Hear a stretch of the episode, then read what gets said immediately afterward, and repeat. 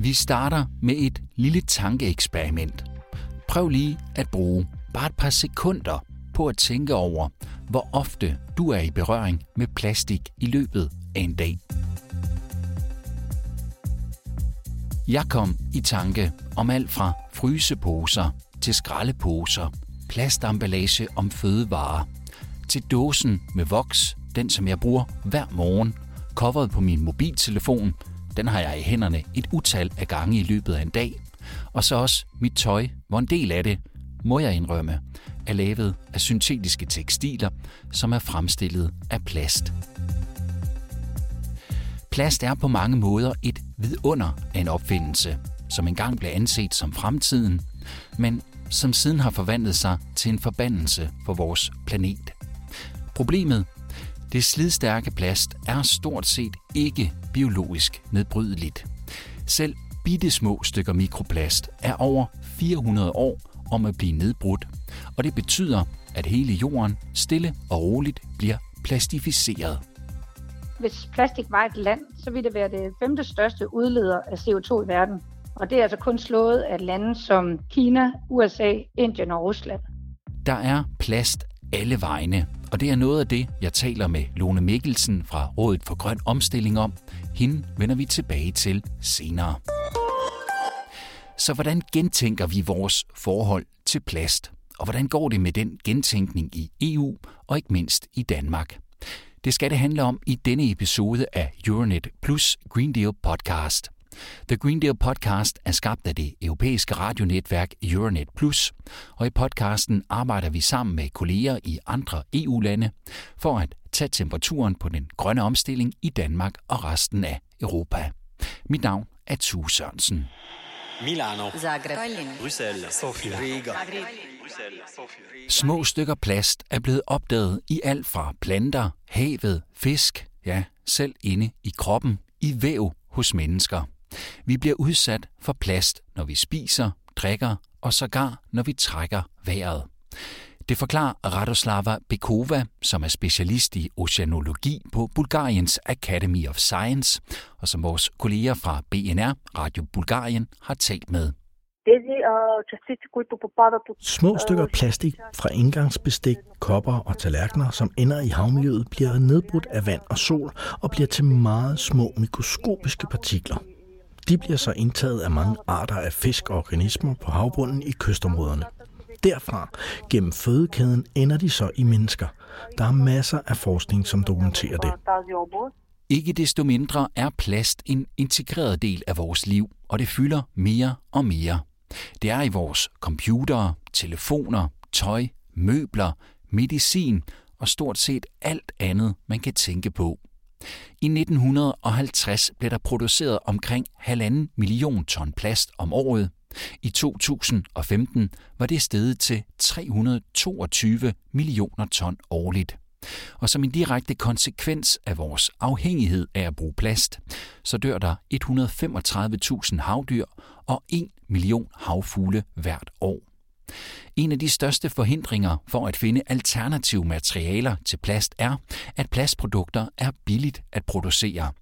De fleste plastprodukter bliver stadig lavet af olieprodukter, hvilket betyder, at de ikke bare er svære at nedbryde, men at produktionen også bidrager til udledning af drivhusgasser og dermed til klimakrisen. Så er jorden dømt til evig pladsforurening, eller kan genbrug redde os fra en pladsbelagt fremtid?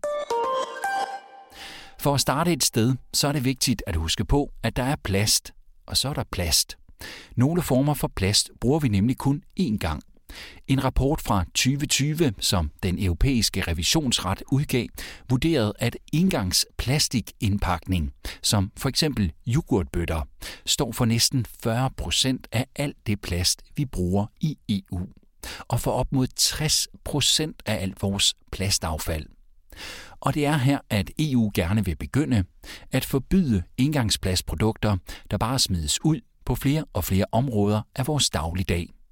Det vil være et skridt i den rigtige retning, men har også været længe ventet, og vil under alle omstændigheder ikke ændre det store natten over.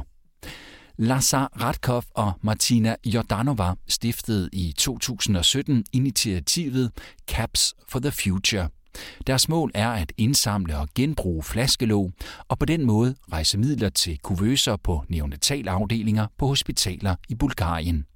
Og Lazaretkov peger på den økonomiske indflydelse, når det kommer til at ændre vores kollektive adfærd i forhold til plast.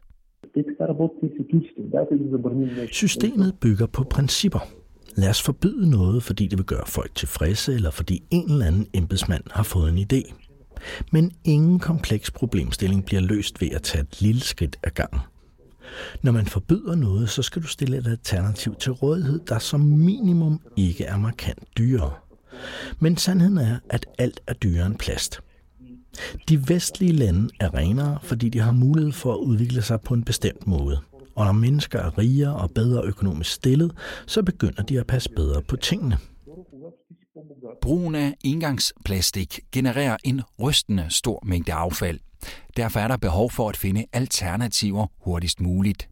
Men der er også andre ting, vi kan gøre, for at plast skaber mindre miljøpåvirkning, nemlig vores affaldshåndtering.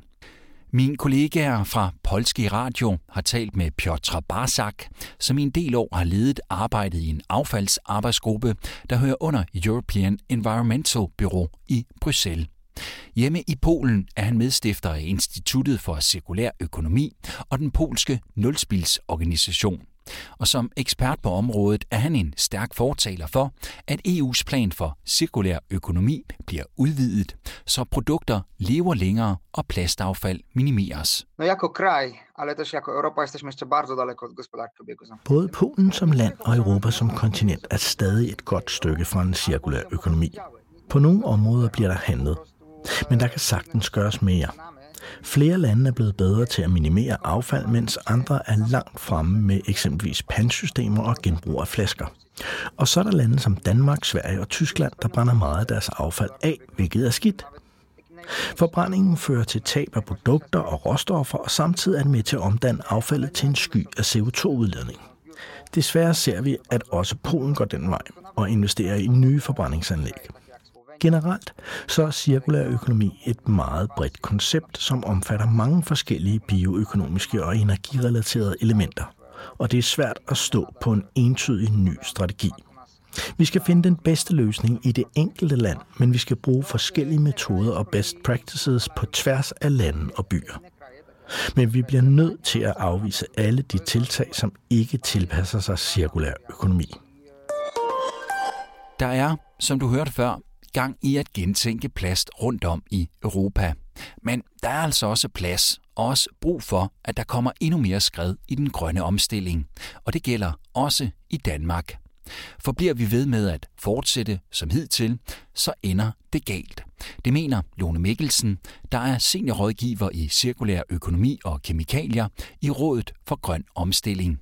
Der bliver simpelthen ikke øh, ved med at være ressourcer nok. Det er anslået i regeringens plasthandlingsplan, at 6% af verdens olieforbrug det går til produktion af plastik. Og det tal det forventes at stige til 20% i 2050. Det er ikke en lineær stigning, det er en meget voldsom bræt stigning, der sker i de, de kommende år. Så det forbrug, vi har i Danmark, den måde, vi forbruger på og, og forvalter vores affald på og forurener vores miljø på, det er alt for voldsomt. Det har et alt for stort tryk på klimaregnskabet. Så den omstilling, der burde ske, og som burde være i fuld fart, den går alt for langsomt. Danmark er et af de lande, der forbrænder mest affald. Også den plast, vi smider ud. Og det er et af de steder, vi skal sætte ind, siger Lone Mikkelsen. Vi har en lang tradition med at afbrænde vores øh, affald, og plastik, det har en rigtig god brændværdi og vi får energi og varme ud af vores øh, affald, det er jo naturligvis bedre, end at vi lagde det i deponi, altså sådan til opbevaring. Men alle de brugbare ressourcer, de går op i røg. Og der skal vi simpelthen have, have sat både vores genanvendelsesprocent sat op, og det skal vi også, fordi det kræver EU. Der er nogle helt klare regler og krav. Men i langt højere grad burde vi have nogle mål for, hvor meget skal vi genbruge. Det vil øh, højne vores øh, miljøindsats i meget høj grad. Et andet sted, der skal sættes ind, hvis det står til rådet for grøn omstilling, er en ændring i strategien om at genanvende plast og mange andre materialer, og i stedet genbruge det til samme formål, som det oprindeligt er blevet produceret til. Det allervigtigste i det hele taget, det er, at vi reducerer vores forbrug. Og det gør vi blandt andet ved at genbruge mere. Og genbrug, der mener jeg altså et direkte genbrug, at vi bruger den samme øh, vare, det samme produkt til samme anvendelse næste gang. For eksempel, at vi går i en genbrugsbutik og køber en brugt jakke. Hvis den ryger i et affaldsled, så skal den nedbrydes til nogle øh, nye fibre, og så igen skal der produceres en jakke. Vi kendte det tidligere fra vores øh, pantsystem med flasker. De blev indsamlet og vasket og genpåfyldt til samme anvendelse. I dag er det desværre en genanvendelsesproces, der sker. Og genanvendelse, det er en helt anden klimabelastende proces. Der skal vi indsamle det. Der er et logistisk system, som skal fragte de her materialer ud på en genanvendelsesfabrik, øh, altså industrien. Øh, så skal det nedbrydes til det materiale, der nu engang er. Og så kan vi lave nye produkter af glasset for eksempel, eller af metallet fra dåser. Øh, og det er en meget tung industriel proces. Det er selvfølgelig bedre, end at vi bruger råvarer, øh, nye ressourcer, men det er stadig en meget tungere proces, end hvis vi genbruger. Så øh, vi skal reparere vores produkter i højere grad, og vi skal rengøre og bruge igen i meget højere grad. Så er spørgsmålet jo, hvordan vi kommer i gang med at genbruge mere plast. Sker det frivilligt fra industrien og erhvervslivets side, eller kræver det politisk initiativ? Det spurgte jeg også Lone Mikkelsen om.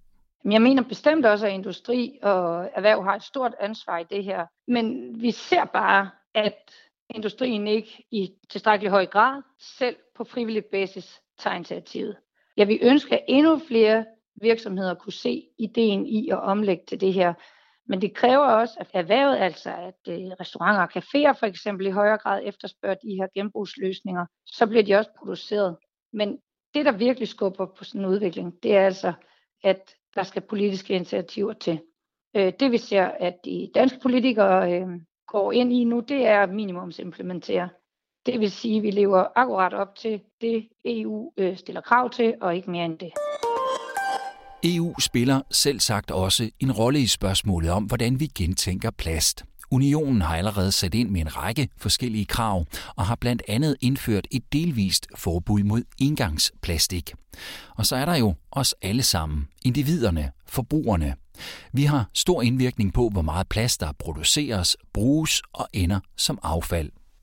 I gennemsnit genererer hver EU-borger 24 kilo plastaffald om året. Vi bruger for eksempel, og det er igen et gennemsnit, omkring 400 plastikposer på et år. Så vi skal alle ændre adfærd, når det kommer til plast. Det er så småt begyndt at gå op for mange, viser undersøgelser i flere EU-lande. Og i mange lande er det de unge, der forsøger at råbe de ansvarlige politikere op. I Bulgarien er Danita Sarichinova for eksempel med til at presse på for, at der bliver indført et pantsystem til plastikflasker. Vi presser på for at få indført et system og et mål om, at 90% af alle plastikflasker bliver indsamlet i 2029. Lige nu tror jeg ikke engang, vi har ramt 20 procent. Vi mener, at det skal være muligt at pante plastikflasker i butikkerne eller aflevere dem på opsamlingsenheder i det offentlige rum. Lige nu har vi kun et system for ølflasker lavet af glas. I andre lande presser unge på for en nulspilsbevægelse, hvis vi skal løse plast- og klimaudfordringerne. Vores tyske kolleger har talt med bloggeren Xia Su, der skriver for sitet wastelandrebel.com. Og hun mener, at der skal radikale ændringer til. Ich glaube, das System arbeitet einfach gegen uns. Jeg mener, at systemet modarbejder os. Hvis vi skal leve bæredygtigt, skal vi mentalt svømme mod strømmen. Vi lever i et brug og smid væk samfund, fordi det er den nemme løsning. Fra politisk side burde der være langt flere initiativer. Bæredygtige produkter, services og livsstil burde belønnes mere, så det bliver normen og alt andet undtagelsen. Og hvis man spørger seniorrådgiver i Rådet for Grøn Omstilling herhjemme, Lone Mikkelsen, så kan vi som individer og forbrugere være med til at gøre en del af forskellen. Som forbruger skal man øh, sætte ind der, hvor man selv magter.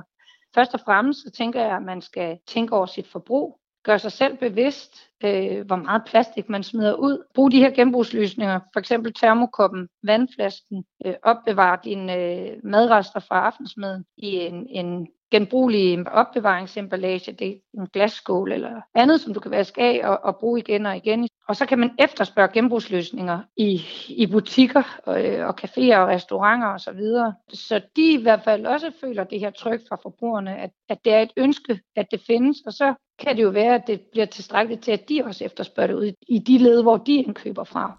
Der findes alternativer til plast eksempelvis bambus, majsstivelse, sukkerrør og tang, bare for at nævne nogle få.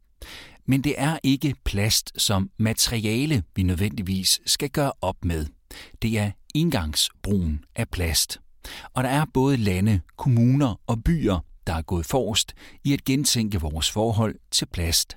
Erfaringer og best practices, som andre kan trække på, og dertil en folkelig bevægelse, der ser ud til at vokse dag for dag. Forhåbentlig har det givet dig lidt stof til eftertanke, og har du brug for at skylle det ned med en drink, så husk at bruge et genbrugeligt sugerør. Slut på denne episode af The Green Deal. Podcasten er produceret af Podpeople for Euronet Plus. Torsten Spis er redaktør. Nikolaj Tvinge har tilrettelagt, og mit navn er Tue Sørensen.